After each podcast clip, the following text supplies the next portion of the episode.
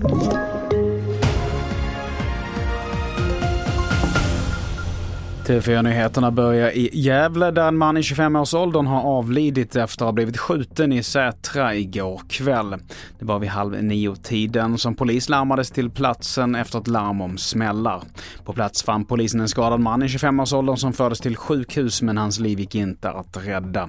Ännu så har ingen gripits för händelsen och en förundersökning gällande mord har inletts. Och så här säger Viktor Åkring Dixved som är befäl vid polisregion Mitt. Man kommer fortsätta med vittnesförhör, säkert en del dörrknackning i området och även eh, fortsätta med den tekniska biten, inhämta spår.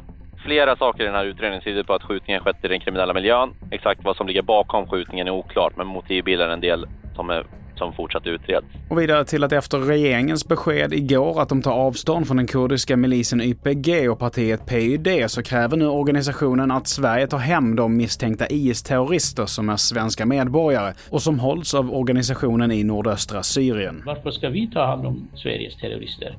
Varför ska vi, när man tar avstånd från en organisation som kämpar mot eh, terrorismen och betalar dit, va?